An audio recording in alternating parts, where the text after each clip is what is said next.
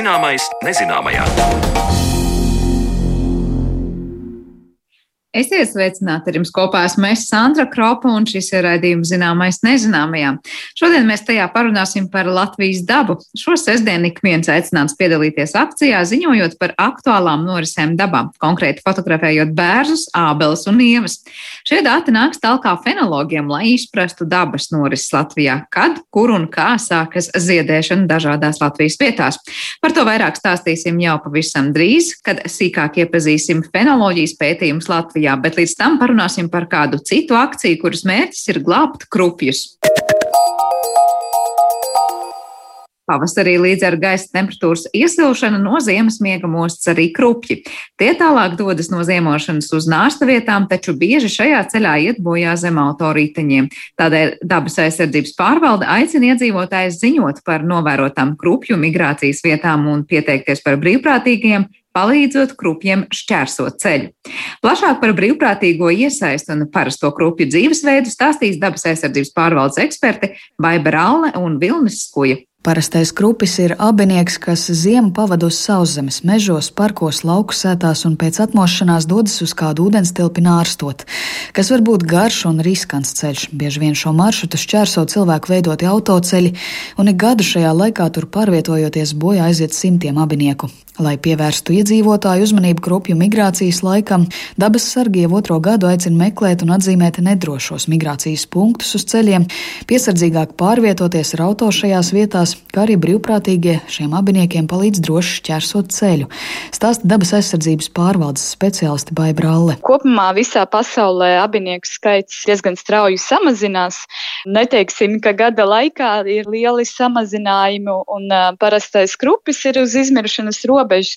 Tomēr ar šo kampaņu gribam pievērst sabiedrības uzmanību kopumā abinieku izzušanas problēmai, piedāvāt pavisam reālu iespēju pavasarī abiniekiem arī palīdzēt, jo abinieki ir tāds viens ļoti būtisks dzīvības pamata posms, barības ķēdes posms, bez kā arī visa pārējā barības ķēde sāk ļodzīties.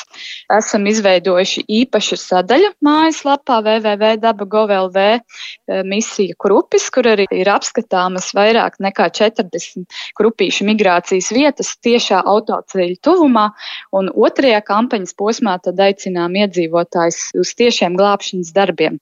Un būtībā šie glābšanas darbi norisinās tieši pat labam. Šur tur migrācija krupīšiem jau lēnu garu iet uz eh, galu. Viņi ir lielākoties laimīgi tikuši uz nārsta vietām, bet eh, šur tur tā migrācija tikai aktīvāk ieskrienas. Tas ir vairāk Latvijas ziemeļos, ziemeļaustrumos, Latgalē reģionos. Krupjiem ielu šķērsošana nerad izvēršas cīņā par dzīvību, jo tūlīgākiem individiem tas prasa pat 15 minūtes.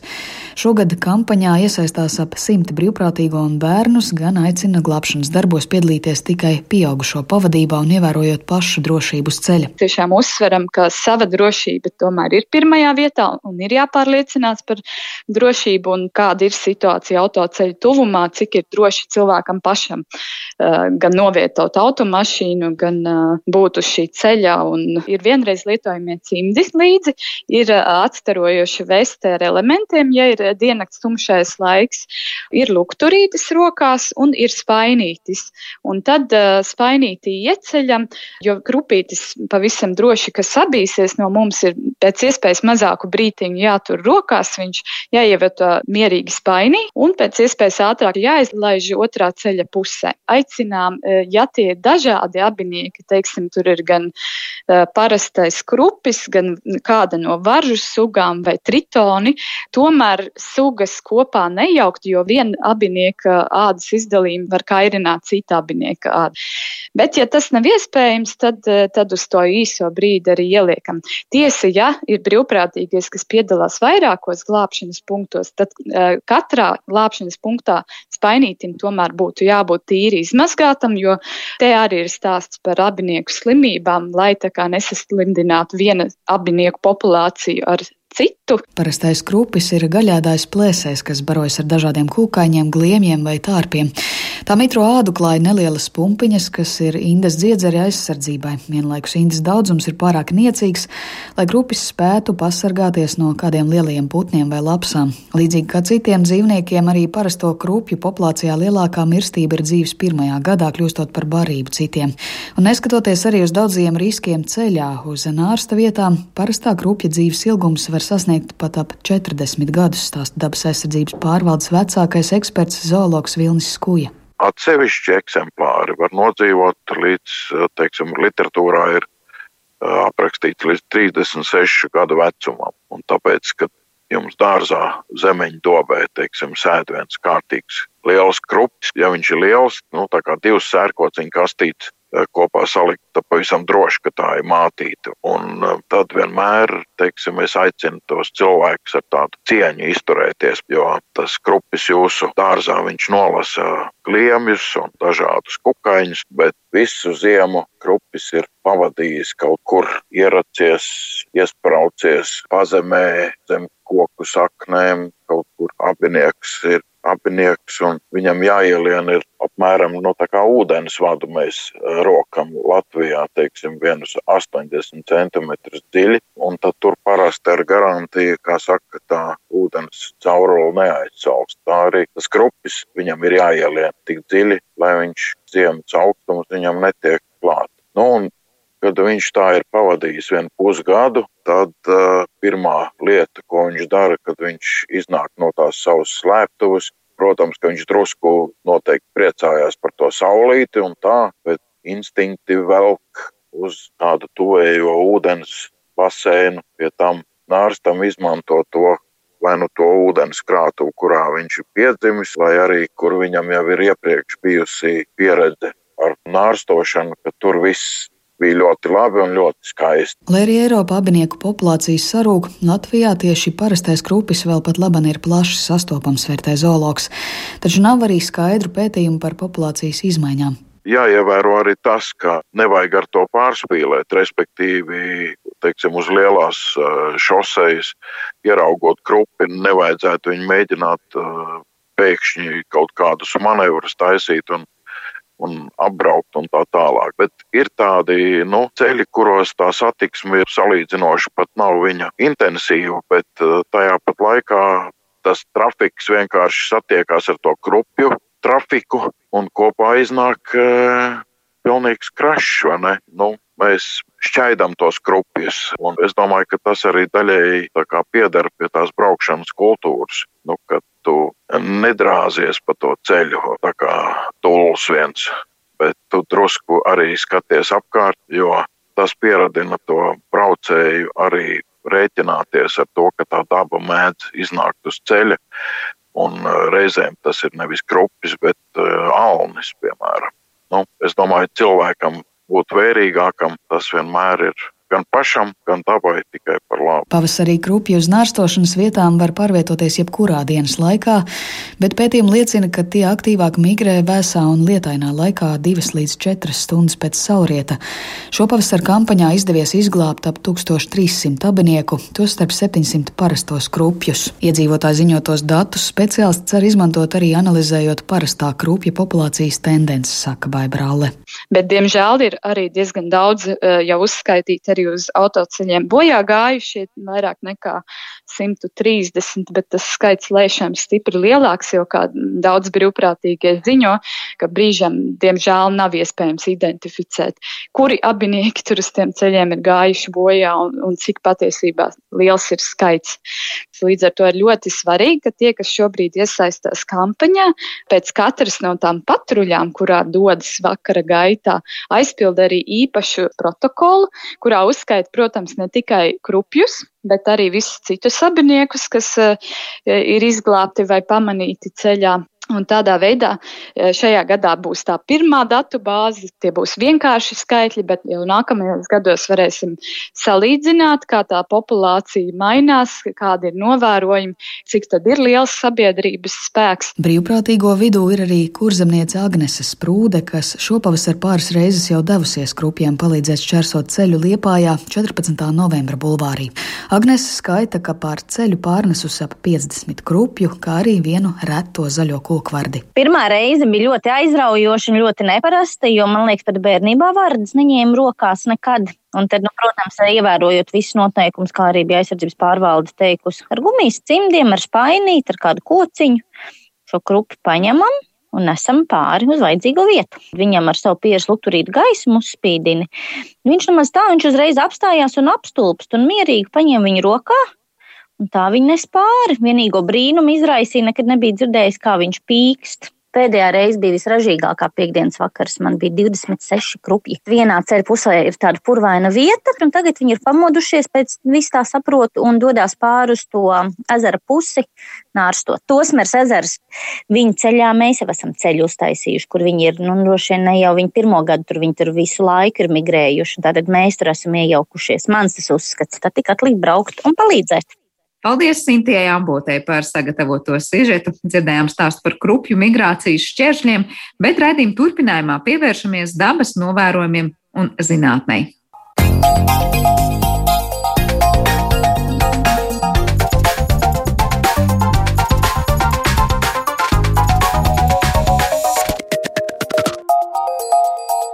Zināmais nezināmajā. Norises dabā mēs redzam ikdienas, taču šis novērojums kalpo ne tikai, lai sekotu līdzi laikapstākļiem un gada laiku maiņai. Novērojumi palīdz arī zinātnē, izsakot cikliskumam un izmaiņām dabas procesos. Kādā akcija īpaši aicina ikvienu ziņot par norisēm dabā arī šogad, un par to šodien mēs vairāk runāsim ar šīs te zība akcijas koordinātoru, Latvijas Universitātes Geogrāfijas un Zemesnāķu fakultātes vadošo pētnieci Guntu Kalvānu. Sveika, Gunta! Jā, labdien, labdien, klausītāji! Man liekas, kā pavasaris tā mēs tiekamies, lai runātu par norisēm dabā, tāpēc, ka vienmēr arī zinātniekiem ir ko interesantu gan vaicāt mums sabiedrībai, gan pašiem stāstīt par to visu. Eh, bet pirms mēs runājam par fenoloģiju, kā par, par zinātni un par to, ko tas īsti nozīmē un kāpēc norises dabā ir interesanti un vērts pētīt, es lūgšu tev pastāstīt, kas tā īsti ir par ziba akciju, jo es saprotu ļoti konkrētā dienā šogad. Mēs esam aicināti visi ziņot par ļoti konkrētiem novērojumiem dabā. Jā, kā pavasaris, tā mēs uh, geogrāfiju ejam laukā, dabā, un lauka pētījumi ir neatņemama mūsu sastāvdaļa. Un arī mēs Latvijas iedzīvotājus aicinām piedalīties zibakcijā. Zibakcijas mērķis ir fiksēt dabas novērojumus vienā konkrētā dienā, 30. aprīlī, 30. aprīlis ir izvēlēts tāpēc, ka pagājušajā gadā mēs aicinājām iedzīvotājus sūtīt fotogrāfijas 30. aprīlī, un tad, lai mums veidotos tāda jau divu gadu datu bāze, tad arī šogad tas būs 30. aprīlis. Zibakcijas viena diena Latvijā mērķis, patiesībā tur ir divi lieli mērķi. Viens ir pievērst sabiedrības uzmanību norisēm dabā, būt tādiem vērīgiem, un tāda vidas izglītība ir tas viens, viens no pirmajiem mērķiem. Un otrs mērķis ir jā, iesaistīties zinātnē, palīdzēt zinātniekiem, un tur atkal divi apakšmērķi, ja tā var teikt. Tad viens ir jūsu iesūtītās fotogrāfijas ļauj mums salīdzināt reģionālās atšķirības Latvijā, lai arī mums šķiet, ka Latvijas teritorija ir tāda mīļa un neliela, Tad attiecībā uz pavasaru, tad, tad piemēram, fenoloģiskās fāzes, kā lapu plaukšana vai ziedēšana, kurzemes piekrastē un, piemēram, alūksnes augstienē vai vidzemes augstienē var atšķirties pa divām, trijām nedēļām, kas ir tādai teritorijai, man liekas, ievērojams atšķirības. Un otrs, mēs jau arī pagājušajā gadā mēģinājām izstrādāt fenoloģisko modeli. Modelis mums ļauj prognozēt, kurā dienā varētu iestāties, piemēram, labības pļaušanas sākums, vai kad ir labība gatava, ja? kad varētu pļaut, vai, piemēram, kad nogatavojas ābolu, kas arī varbūt augļu kopībā ir svarīgi. Un, ja, un tādā modelī, balstoties uz gaisa temperatūru, un arī nokrišņiem un arī daudziem citiem parametriem, tad mēs varam prognozēt, bet, lai šīs prognozes pārbaudītu, mums būtu nepieciešami dati. Un pagājušajā gadā mēs arī jau izmantojām fotogrāfijas. Pagājušais gads bija tāds relatīvi vēlais gads, un tad arī sapratām, ka fenoloģiskajam modelim vēl drusku viņš jāapmāca, vai tas jāapmāca. Un, jo tādos ekstrēmi agrajos vai vēlajos gados modelim ir tā tieksme nedaudz pārspīlēt, vai nu pateikt, ka lapas plaukst agrāk vai arī vēlāk. Un, Un šobrīd mēs arī šo, šī gada datus arī izmantosim un mēģināsim tādu modeli uzlabot. Jā, par pašu modeli mēs droši vien vēl šodien parunāsim, bet tas, kas 30. aprīlī mums ir jāziņo, es saprotu, tur ir arī konkrētas uh, parādības jāmeklē. Tur bija konkrēti koki, koku ziedēšana jāskatās. Kāpēc tieši tie izvēlēti un kas tad īsti ir jāskatās? Jā, jā paldies, ka tu man atgādināji. Un, uh, jā, mēs izvēlējāmies trīs Latvijā ļoti populāras, viegli atrodamas, sastopamas sugas, kas arī viegli atpazīstamas. Es ceru, tā vajadzētu būt. Bet tā ir mājas ādala, otra, otrs, otra suga ir ārbērs, un trešais ir parastā ieva. Un, kāpēc šīs sugas? Jā, tāpēc, ka tās ir viegli atpazīstamas, un arī fenoloģisko modeli mēs arī sākumā sākām uh, testēt tieši uz ievas ziedēšanu un ievas plaukšanu, tāpēc, ka mūsu datu bāzē ir diezgan daudz datu par šo sugu. Bet, uh, principā, tos pamatprincipus var pielāgot arī citām sugām. Un, ja jūsu apkārtnē nav kāda no šīm sugām, tad droši var sūtīt kaut vai piecus bērzus vai desmit tābeles. Tas arī mums viss noderēs. Te ir jāatcerās, ka vislabāk fotografēt koku, kurš ir vismaz piecus gadus vecs. Nu, paskatieties uz izmēru, ja, nu, tā tāds lielākus kokus, fotografējiet un mēģiniet atrast dienvidu puses zaru acu līmenī. Nu, bērniem tas varbūt ir izaicinošāk, bet, ja izdodas, tad, tad tas būtu tā vērtīgāk un pareizāk. Dienvidu puse, acu augstums, vismaz piecus gadus veci koki. Nu, dienvidu pusi droši vien pazīsim pēc tā, kurš vairāk saplaucis vai kaut kā, es nezinu, vēl, ja mēs pēc debes pusēm neorientēsimies konkrētajā vietā. Jā, vai arī vislabāk ir atcerēties, ka tad, kad tuvojas saules pusdienu laiks, tad jūs tur, kur saule jums ir aiz muguras, tas nozīmē, nu, tur ir tie dienvidi. Ja? Elpiski sevi noteikti mēģināsim nostatīt, un debes puses ceru, ka tomēr cilvēki katrs vēl, vēl māk atpazīt. Bet kā tieši ir jānofotografē un jāsūta, kur vai ir jāliek ar kaut kādu konkrēti, konkrētu temperatūru? Kas, kas tur jādara tālāk? Jā, jāsūta saziņas platformai WhatsApp jo pagājušajā gadā arī daudzi, eh, kas sūtīja fotogrāfijas, arī teica, ka tas bija tik viegli, tāpēc arī viņi iesaistījās zibakcijā. Un, jā, un eh, es nezinu, vai man nosaukt to telefonu, vai arī tu vari nosaukt. Eh, es domāju, ir daudz, un pēc tam mēs noteikti internetā ielikt arī, lai cilvēki. Jā, jā, jā. Un tad, bet, ja gadījumā jums nav pieejams WhatsApp saziņas šī platforma, tad jūs droši varat sūtīt arī e-pastā vai arī kā īziņu vizuālu. To mēs arī apstrādāsim šos datus. Un mēs ļoti priecātos, ja jūs norādītu arī konkrētu vietu, kur tas ir fotografēts. Vai nu apdzīvots vietas nosaukumu, vai nu ielu, bet, ja iela, tad ar, arī apdzīvot vietu. Ja? Nu, tā, bet vislabāk koordinātas, vai arī, piemēram, pasta indeksu, ja viss iepriekš minētais ir nu, sarežģītāk, tad uh, arī pasta indeksu. Un, uh, tādā veidā mēs arī atpazīsim. Tad, uh, kāds ir tas saziņas veids? Tātad, tas ir konkrēts telefons, vai tā ir konkrēta iestāde, kam tas tiks adresēts? Fotogrāfijas mēs gaidīsim saziņas platformā WhatsApp. Un šis telefona numurs ir 27, 10, 4, 4, 4, 0, 27, 10, 44, 40 vai arī gada laiki 2021 eta gmail.com. Tās ir divas iespējas, kur šīs fotogrāfijas iesūtīt.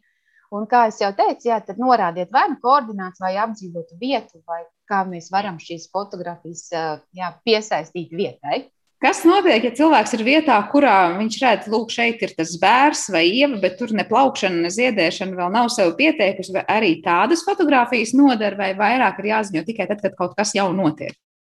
Mēs priecāsimies par visām fotogrāfijām, tāpēc arī šāda, ja kaut kas plaukst vai neplaukst, arī tas nozīmē, ka tur ir vai nu mikroklimatiski apsvērumi, kas to ietekmē, ietekmē šie faktori, Jā, vai nu arī tas patiešām ir reģionālās izmaiņas, jo arī pagājušajā gadā mums parādījās, piemēram, ābelē ļoti izteikti, kad, piemēram, Rīgā jau bija ziedpumpuri ābelēm, savukārt alūksnes augstienē vai arī Latgales augstienes apdzīvotajās teritorijās pumpuri bija snaudošajā stadijā.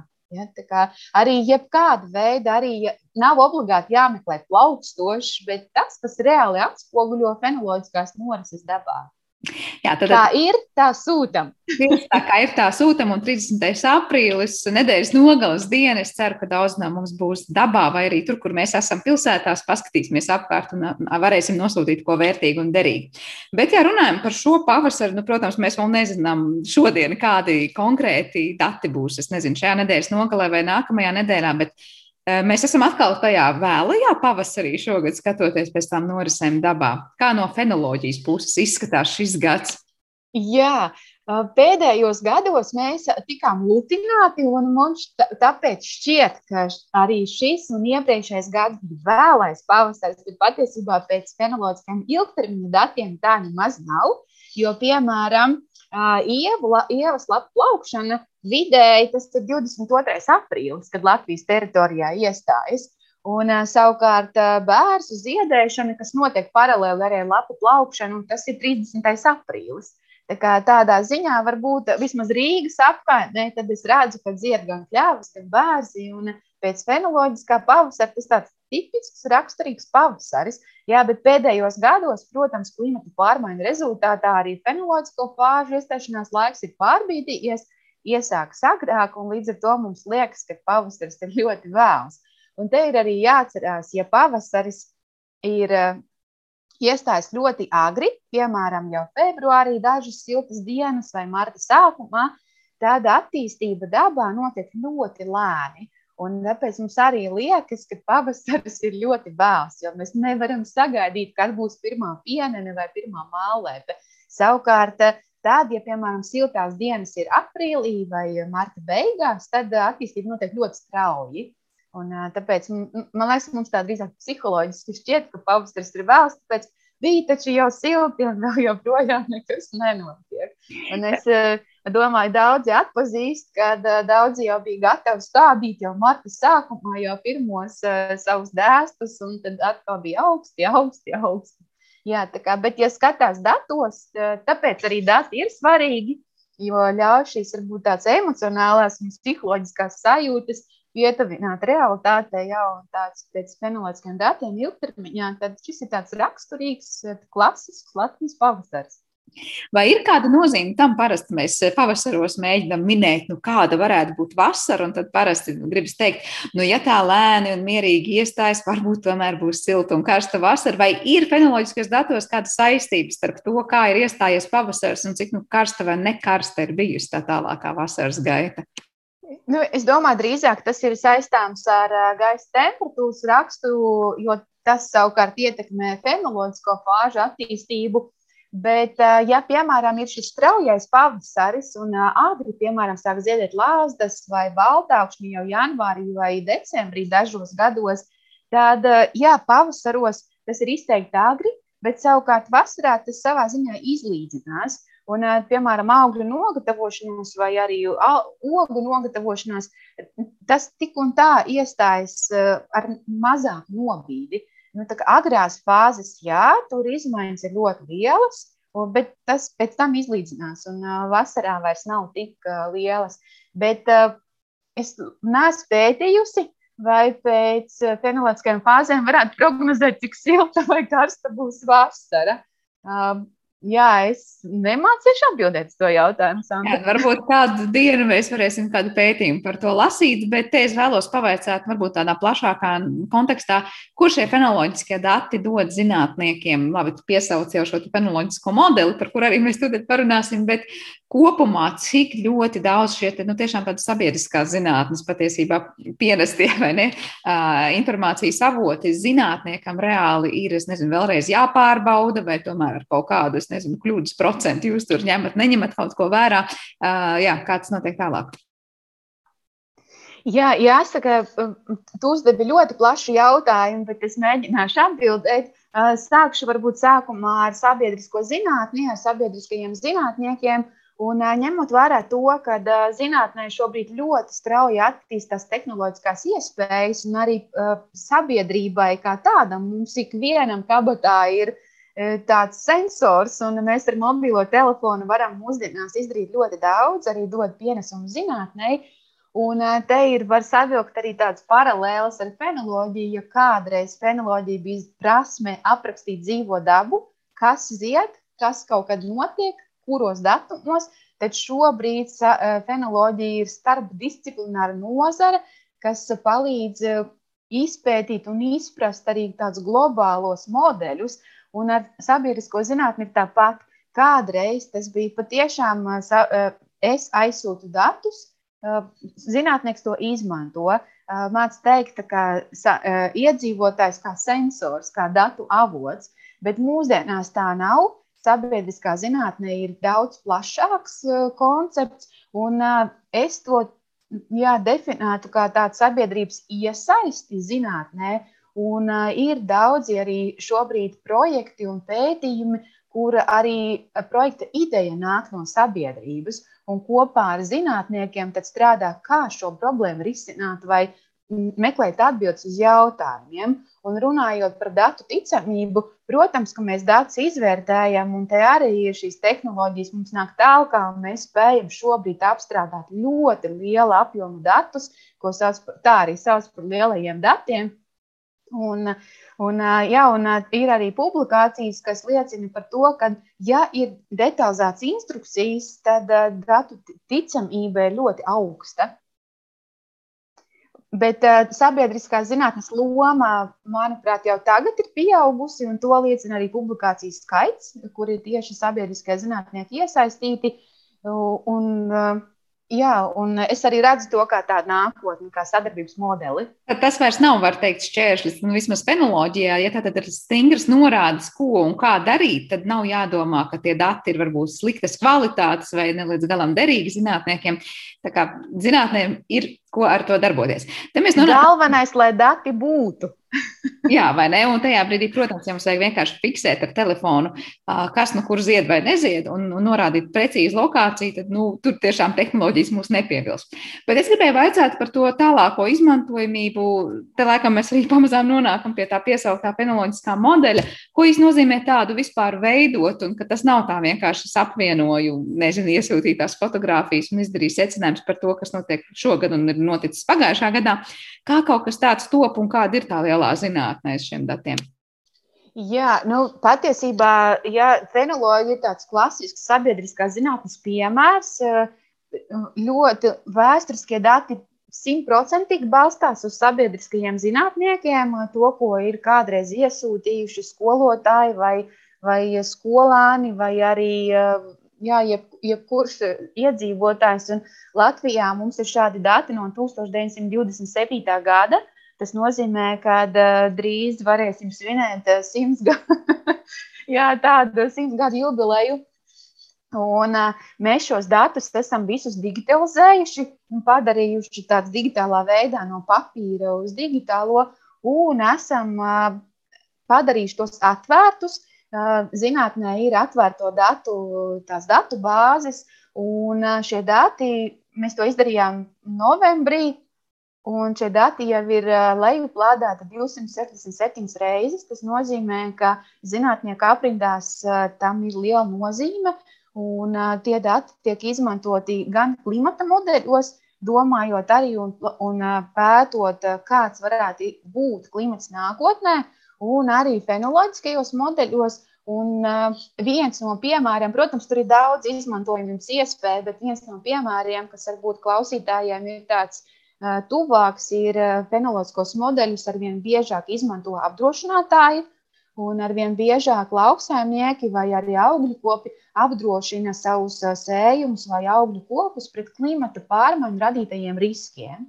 Un zinot, kurā fāzē tāds augsts, nu, piemēram, ābele vai kvieši, ir jūtīgāki pret klimata pārmaiņu kaut kādām ietekmēm, tad attiecīgi var izrēķināt uh, atlīdzības apjomu un daudzumu.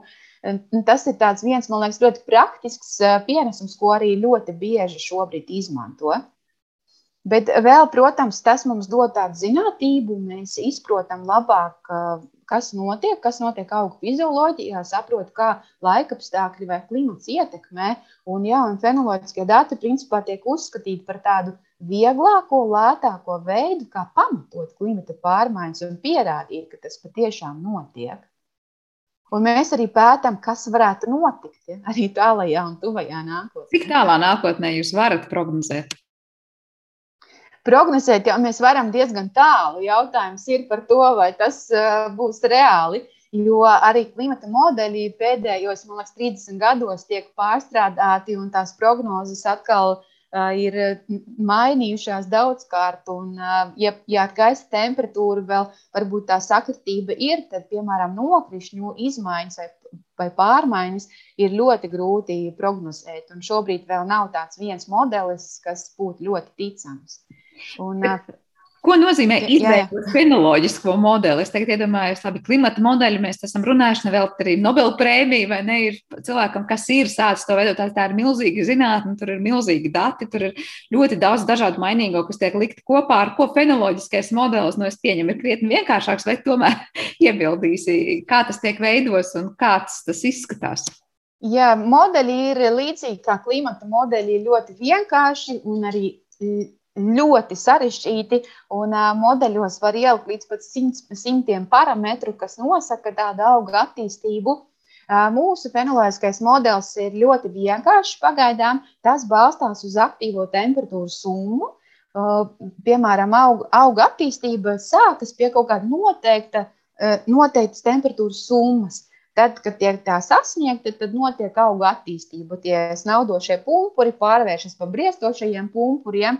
Un zinot šās aktīvās temperatūras summas, jo mēs zinām, kāda ir gaisa temperatūra, jo mums ir par to novērojumi jau decembrī un oktobrī. Un tad, attiecīgi, mēs to sasumējam un varam prognozēt. Bet tas ir ļoti, ļoti vienkāršots modelis. Bet, uh, Sarežģītajos modeļos tur gan ir dienas garums, gan nokrišņu daudzums, gan maksimālā un minimālā gaisa temperatūra, augsnes temperatūra, gan 5 cm dziļumā, gan 20 cm dziļumā. Un modeļos arī izmanto satelīta datus un CO2 dažādas parametrus un arī, jā, un arī siltumnīca efektu izraisošās gāzes. Tā kā tāds ir gan ļoti vienkāršs, gan arī ļoti sarežģīti. Un, uh, tur, piemēram, arī uh, augiem ir miega periods. Nu, nevis miega periods, tas drīzāk ir tāds uh, attīstība ziemas periodā nenotiek. Un pat tas uh, tiek ņemts vērā arī šādos modeļos, cik garš ir bijis šis miera periods un kāda ir bijusi gaisa temperatūra. Jo kas parādās ar vien vairāk tādos jaunākajos pētījumos, kad ziemas gaisa temperatūrām ir tendence pieaugt, un līdz ar to nenotiek šī šis miera periods augiem nosacīti īsāks, un augs savā ziņā gaida, kad būs šis periods un neplaukst. Un tad atkal sanāk nevis tā kā agrāk lapa plaukšana, bet uh, dažos reģionos arī vēlāk šobrīd lapa plaukšana notiek. Un ļoti aizraujoši un fascinējoši un arī dažreiz ļoti sarežģīti. Jā, nu, protams, to visu izveidot, tajā orientēties un panākt, ka tas viss strādā, tur ir vajadzīga vesela zinātne. Bet es iedomājos, labi, ir ļoti viegli salīdzinoši, kā teikt, sasumēt to temperatūru, ko mēs zinām, ir bijusi tur decembrī, janvārī, februārī, un saprast, kas notiks ar to plaukšanu. Bet cik lielā mērā modelis var paredzēt, vai es nezinu, laikus kaut kādi apstākļi par to brīdināt, ka liksies, nu, tūlīt viss sāks plaukt, kā mēs dažkārt redzam, vai tūlīt ziedēs, un tad uznāk, nezinu, salna un augstums, un viss nosals, kas parasti ir nu, diezgan sāpīgi lauksaimniekiem, jo īpaši, es domāju, vai to var paredzēt modelis precīzi vai daudz maz precīzi? Es, es drīzāk atbildētu diplomāts daudz maz. tāds, bet arī tie modeļi tiek arī pielāgoti atsevišķām sugām, piemēram, ābelēm vai lapībai. Tie būs divi dažādi fenoloģiskie modeļi, jo arī auga attīstības gan tie cikli, gan arī ietekmēšie faktori ir atšķirīgi. Uh, Nu, šobrīd uh, mūsu modelis ir ar precizitāti 3-4 dienas, kas man liekas ir ļoti labs rezultāts ņemot vērā to, ka eh, nu, dabu vispār tādā rāmītī un statistikā varbūt arī nemaz nevajag ielikt, bet uh, tas dod mums tādas zinā, zināšanas, jā, kā varētu notikt. Jā, tā kā tāds prognozēt. Šis mūsu bet, eh, modelis attiecas tieši uz tām abelēm vai kopumā? Šis attiecas uz ievām. Nu, tas mēs vairāk esam strādājuši ar ievām. Un, jā, bet mēs arī esam mēģinājuši šo modeli testēt arī uz ābeļu ziedēšanu. Un, un arī tur. Eh, jā, bet tur, kā jau teicu, sākumā ir eh, tas vēlī, agrie gadi, tur mums bija vēl jāpiestrādā.